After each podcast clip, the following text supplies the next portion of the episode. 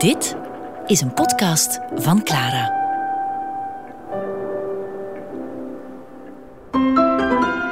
Bauhaus. Met Goedroen de Geiter.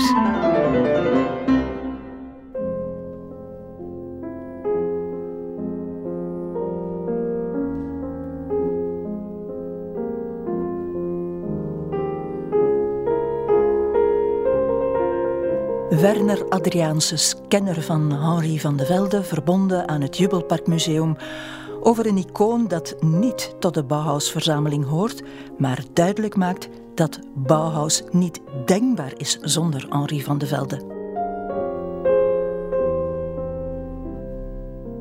Kandelaars in verzilverd metaal met zes armen, heel lineair, hoge kandelaars ook, heel erg lineair. Je kan een organisch motief vermoeden, maar je kan er niks in herkennen, maar met een heel vloeiende lijn ook getekend, waar je bij het eerste aanschouwen voelt dat alles perfect in elkaar zit. Zeer natuurlijk dat je bijna niet vermoedt dat er zo lang over nagedacht is, maar dat is weer het typische van Van de Velde, de reflectie, heel lange overpeinzing die dan op zo'n manier wordt uitgewerkt, die zo rijp is dat ze ja, effectief iets heel natuurlijk gaat uitstralen.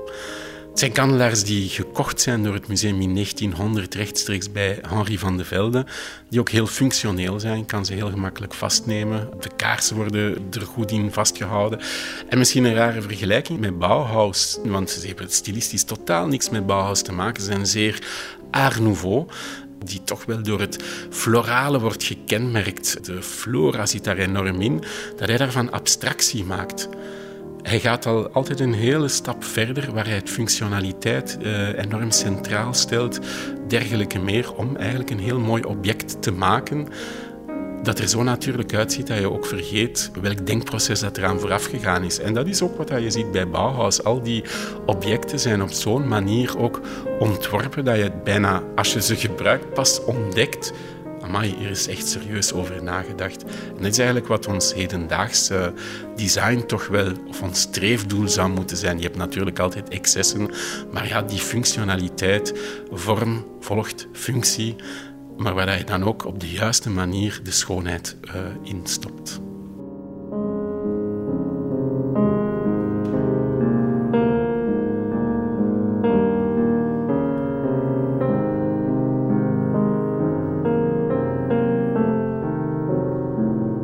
Zijn verdienst is, vooral eigenlijk de, de voorloper van de Bauhaus te hebben gesticht en eigenlijk, eigenlijk de voorloper van die pedagogie ook al te hebben uitgetast met een aantal ateliers waar de ambachten en de artiesten, waar de kunst geïntegreerd moest worden in de ambacht en zo op kleine schaal met de link met de industrie.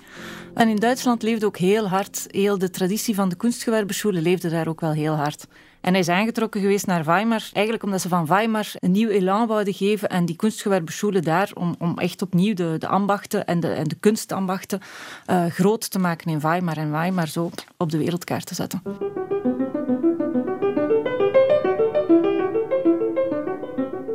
Een verhaal dat begint bij de Engelse arts and crafts en William Morris. Vroeger was het beter toen dat de gildes er nog waren. En doorreist naar het Duitse Weimar. Eigenlijk is Weimar de cultuurstad. Marc Dubois brengt de Duitse mecenas Karl Ernst Osthaus in beeld. Een man met middelen, je kunt maar niet bedenken. En Leo van Broek ziet een paradox. Dat het ornament nog overleeft.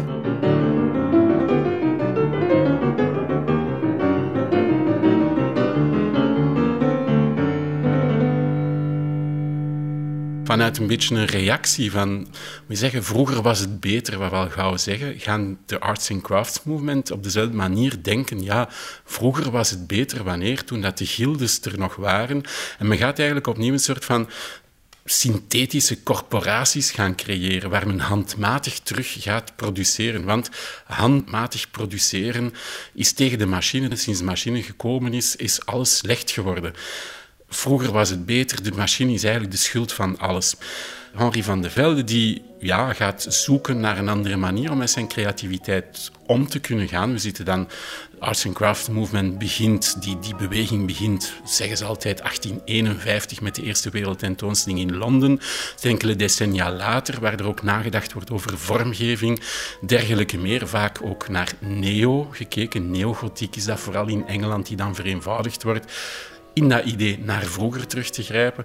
En men gaat eigenlijk de evolutie krijgen naar de Art Nouveau, waar men eigenlijk naar een nieuwe vormgeving gaat gaan, maar voornamelijk ook handmatig geproduceerd binnen dat idee. De machine is slecht, er is geen ontwerp meer. Van de Velde begint die zaken te bestuderen. Heel belangrijke factor erin mag toch wel vermeld worden, zijn toekomstige echtgenote Maria Seiten, die hem helpt, die ook Engels spreekt, die naar Engeland gaat. Is ook een beetje een kunstenares in het begin, vertaalt die teksten. En Van de Velde dat folie is eigenlijk een grote theoreticus. Hij begint die teksten dan ook te lezen en komt helemaal in die invloed van die arts and crafts terecht, van William Morris, die voor hem een heel grote figuur is. En begint zo ja, een mogelijkheid te zien in die toegepaste kunsten om zijn creativiteit te kunnen botvieren.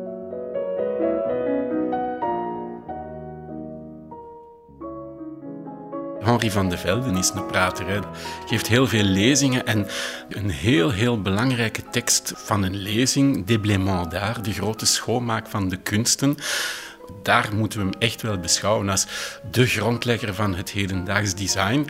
Wat zegt hij daarvoor? Hij heeft het over vormgeving, maar hij heeft het ook over het feit van een tendens die pas later nog in Duitsland zal gemerkt worden, dat er iets niet klopt aan die arts and crafts movement. Hij zegt van ja, de machine wordt als schuldige gezien, maar eigenlijk zou zij ons echt kunnen helpen, want is, is de machine schuldig aan het feit? Nee, het zijn hoe dat wij ermee moeten kunnen mee omgaan. En om het naar vandaag te trekken, zitten we ook een beetje in die fase met het internet en, en alles en de social media en alles wat ermee gebeurt. Het is goed, het kan ons heel goed helpen, maar we moeten er op een correcte manier mee omgaan. Dat zegt Van de Velde in zijn Déblément daar in 1894. De machine kan ons helpen om ons doel te bereiken. Schoonheid verspreiden over een heel grote laag van de bevolking, waardoor door de grote productie dat de prijs ook lager zal zijn en dat we al die dingen naar iedereen gaan kunnen brengen. Dat is waar hij mee bezig is. En daar vloeit dan natuurlijk ook de functionaliteit uit voort. De functionaliteit, wat we ook gaan zien in Bauhaus, 1923, Haus am Horn, dat is dan onder waar men eigenlijk ja, vormgeving gaat koppelen aan techniek, aan uitvoering, aan het praktische. Dat is eigenlijk een heel grote evolutie verder, waar men ook gaat nadenken. Komt ook allemaal uit Duitsland over keukens, hoe dat die moeten ingericht worden, hoeveel stappen dat je moet zetten om te koken, dergelijke meer. Begint eigenlijk al in 1894 van de Velde, is daar echt mee bezig. Het is echt wel heel, heel treffend hoe vroeg hij als voorloper daarin is met die gedachte.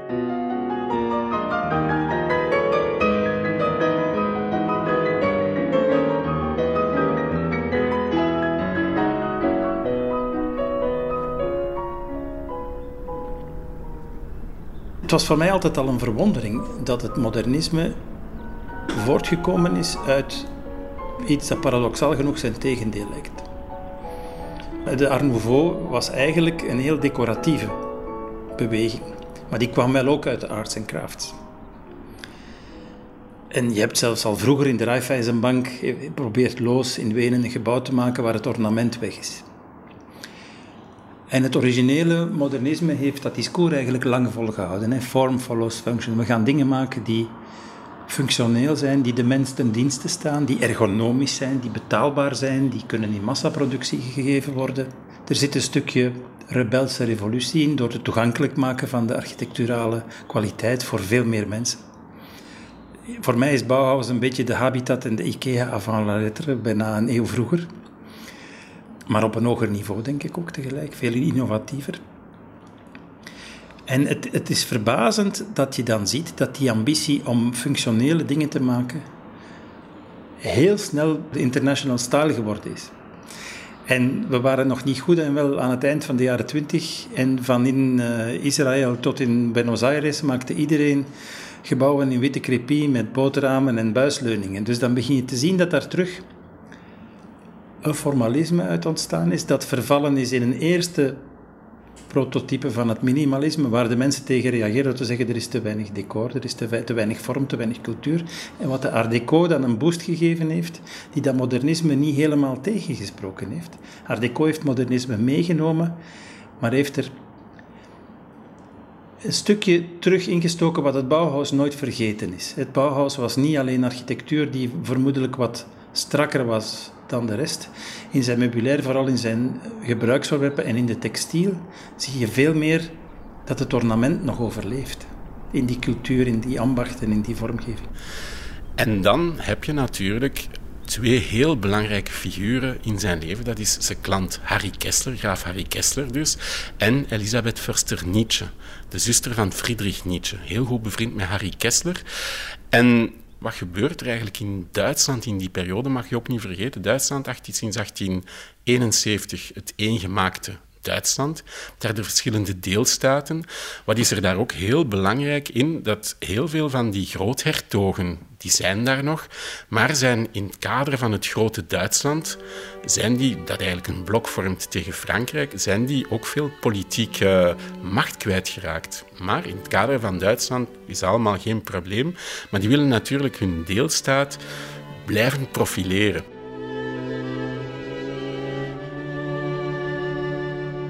En cultuur is daar een van de zaken voor. Je ziet dat trouwens. Wat gaat Van de Velde met Harry Kessler en uh, Elisabeth Förster-Nietzsche bezoeken in 1901? Een document Deutscher Kunst. Wat is dat? In Darmstadt, uh, in Hessen dus, uh, heeft de groothertog een kunsterkolonie opgericht. Kunsterkolonie op de Mathildeheu, een heuvel die de stad domineert. En daarop zijn verschillende kunstenaars aangeworven die een soort van ja, stadje maken met verschillende huizen in hun stijl.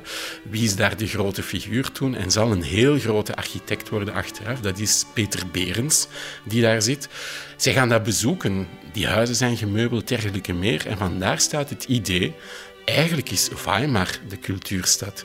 Eigenlijk zou die groothertog van Weimar zich heel goed kunnen profileren via de kunstnijverheden. Een beetje hetzelfde gaan doen. Heel veel kunstnijverheden die daar zijn in Sachsen-Eisenach, die, die daar aanwezig zijn, van dat nieuw leven in te blazen en op zo'n manier eigenlijk naar Goethe, Schiller opnieuw cultuur te gaan uitstralen. Kester, die politiek heel veel invloed heeft, is een beetje een, een figuur die nooit op de voorgrond staat, maar bij alle gebeurtenissen op de eerste rij zit. Die gaat zijn invloed uitoefenen. Elisabeth Förster-Nietzsche, door de positie van haar overleden broer, is ook heel belangrijk. Het idee van een Nietzsche-archief op te richten, dergelijke zaken meer. En zo overtuigen zij eigenlijk de groothertog om Henri van de Velde aan te nemen in Weimar. Wat is de bedoeling in het begin? Een uh, kunstseminar, kunstseminar op te richten. Kunstseminar waar eigenlijk al die ambachtslieden mogen komen om raad te krijgen van Van de Velde. Om raad te krijgen, hoe zouden ze het moeten doen? Hoe moeten ze dat eigenlijk uh, gaan aanpakken? En al snel komen ze ook van elders in Duitsland bij Van de Velde. Bijvoorbeeld van het Meissen, kennen we allemaal, van porselein. En de mensen van Meissen gaan naar Van de Velde komen omdat hij zou een ontwerp kunnen leveren. Ook weer heel typisch voor Van de Velde. Wie kent hij misschien dat porseleinen servies dat hij ontwerpt? Het witte porselein met de blauwe decoratie op. Niet toevallig blauwe decoratie. Wat deden onze grootmoeders in de witte was? Blauwsel. Wat is er belangrijk voor porselein? Dat hagelwit is. Met blauw kan je optisch je wit nog witter krijgen.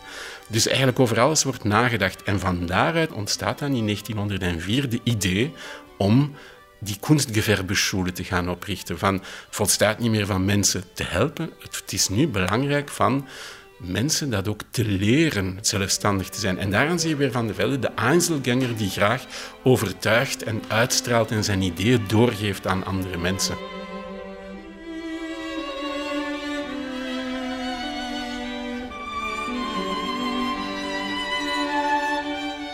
Wat dat toch niet mag vergeten worden, dat is dat het ook al heel snel begint te keren met de groothertog. De groothertog is dat speeltje een beetje moe. Het nieuwe is er af na een tijd.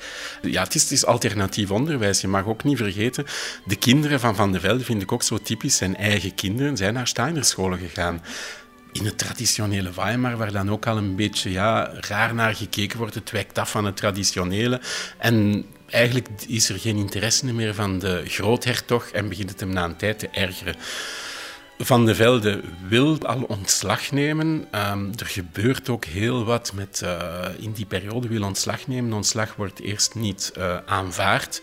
Uh, wordt ook altijd minder geld gegeven, want het wordt betaald door de groothertog. Ze moeten naar andere financieringsmiddelen gaan zoeken.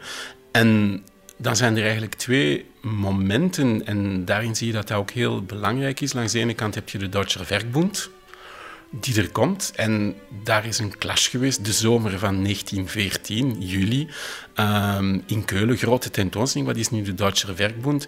Twaalf kunstenaars en twaalf industriëlen en die relatie eigenlijk te gaan vernauwen. Waar gaat het eigenlijk naartoe? Dat is eigenlijk het waarvan de Velden eigenlijk begint met de toegepaste kunsten, déblement daar, grote schoonmaak, de machine te gebruiken.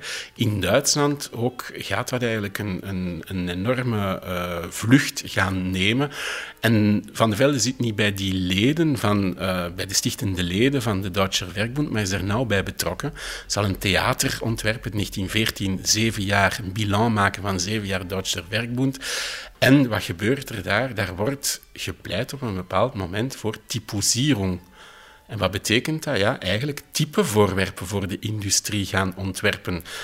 Bij wijze van spreken, als je het gaat doortrekken, dat elke ventilator er zo moet uitzien en elke stoel er zo moet uitzien. En Van de Velde geeft daar een repliek op. Zolang er kunstenaars zijn, zal er individualiteit zijn. Dus daar voel je al een eerste clash. Tweede clash, een maand later, ja, de oorlog breekt uit.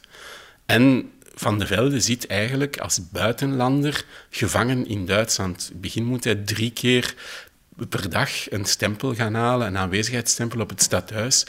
Als je al in Weimar bent geweest, zo enorm ver is zijn woning Hoge Pappelen in Weimar niet van het stadhuis. Maar je bent, als je dat drie keer per dag moet doen, blijft er niet veel tijd over om te werken. Je zou kunnen zeggen, je kan met de fiets gaan, maar al dat materieel is ook aangeslagen onder de oorlog. Dus hij zit eigenlijk helemaal uh, vast in uh, die periode. Uh, waardoor het eigenlijk moeilijk wordt. Hij geraakt in uh, Zwitserland dan via zijn contacten uh, in het neutrale Zwitserland. Zijn familie zit nog in Weimar in die periode, een beetje gevangen als een soort krijgsgevangenschap, als pasmunt dat hij naar Zwitserland mag gaan. Of een krijgsgevangen, ze zitten gewoon thuis, maar je bent gescheiden van je familie natuurlijk. En na de oorlog is heel die situatie natuurlijk enorm ver veranderd. Zijn ontslag is ondertussen, dat hij vlak voor de Eerste Wereldoorlog gegeven heeft in Bauhaus, is aanvaard in 15. Van de Velde voorziet zelf eigenlijk van niet meer terug te keren, want hij schuift nog in die ontslagperiode vooraleer dat de kunstgewerbeschule gesloten wordt, draagt hij eigenlijk nog Groopjes voor als zijn opvolger. Er is nog een correspondentie ook bewaard van het front van Groopjes, hoe hij het eigenlijk ziet, maar dat springt dan af met de sluiting van de school. Maar het is dan Groopjes die in 1919 wordt aangeworven in Bauhaus als nieuwe directeur. I realized that there was no man anymore who was able to design, invent a new chair, and make it. So I had to bring in two types of teachers into the Bauhaus one for the technique and one for the form. And I married these two in each workshop. One painter or sculptor was on top of the workshop, and simultaneously a working master, a craft master on his side for all the technicalities. We mogen niet vergeten dat Van der Velde goed bevriend was met Osthaus, die in Hagen, eh, een man met onvoorstelbaar inzicht, een man met uh, middelen, je kunt maar niet bedenken, een verzamelaar, en die Van der Velde uiteindelijk uh, ook adviseert om groepjes ook uh, tot directeur van de dingen te maken. Uh, men zegt altijd, Bauhaus is het begin van de industriële uh, design. Dat is ook niet juist. Hè? bedoel daarmee, uh, Osthaus was een zeer welstellende bankier, kunstverzamelaar, laat zijn huis, zijn eigen woning in Hagen bouwen door Van der Velde. Hij laat mensen komen uit Nederland als Lauwerix en Tornprikker naar Hagen, bouwt een soort kunstenaarskolonie in Hagen. En dan kun je altijd bezoeken. Het huis van Tornbreker, Laurix en dan het grote huis van Osthaus van de Velde. Dat was eigenlijk een van de grootste projecten van Van de Velde in Duitsland. Dus die vriendschap tussen Osthaus en is zo groot. En dit heeft zelfs te maken met misschien de band met België dan. Is in 13, wanneer de grote internationale wereldtentoonstelling in Gent wordt georganiseerd, in het Duits paviljoen. Het gedeelte over toegepaste kunst wordt georganiseerd door Osthaus Wie is er ook in die tentoonstelling te zien? is ook uh, Gropius. Dus dat wil zeggen, uh, dit is wel. Uh, is in Gent geweest, Gropius is misschien ook in Gent geweest, dat weten we niet zo direct. Maar het belangrijkste is om die designgeschiedenis te begrijpen, is dat in 1909 in Duitsland de Duitse Werkbond wordt uh, En de Duitse Werkbond is de sleutel waar Osthaus ook in zat.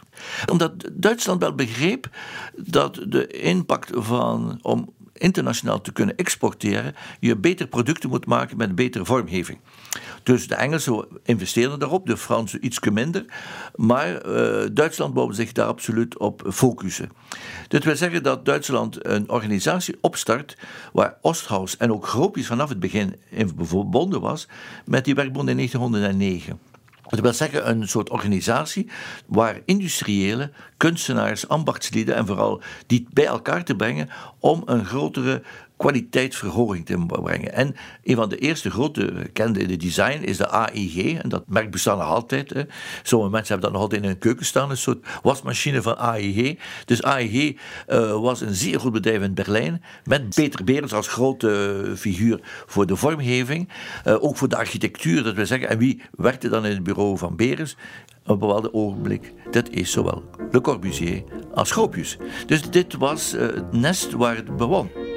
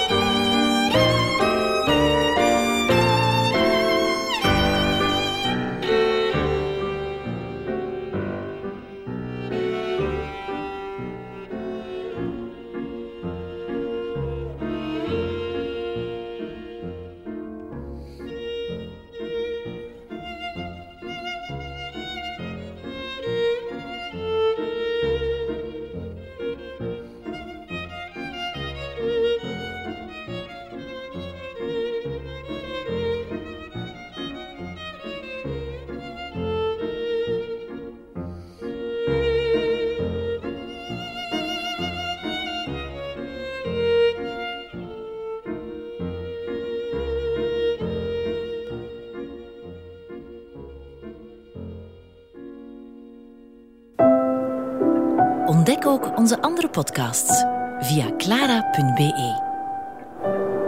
Clara Podcast. Blijf verwonderd.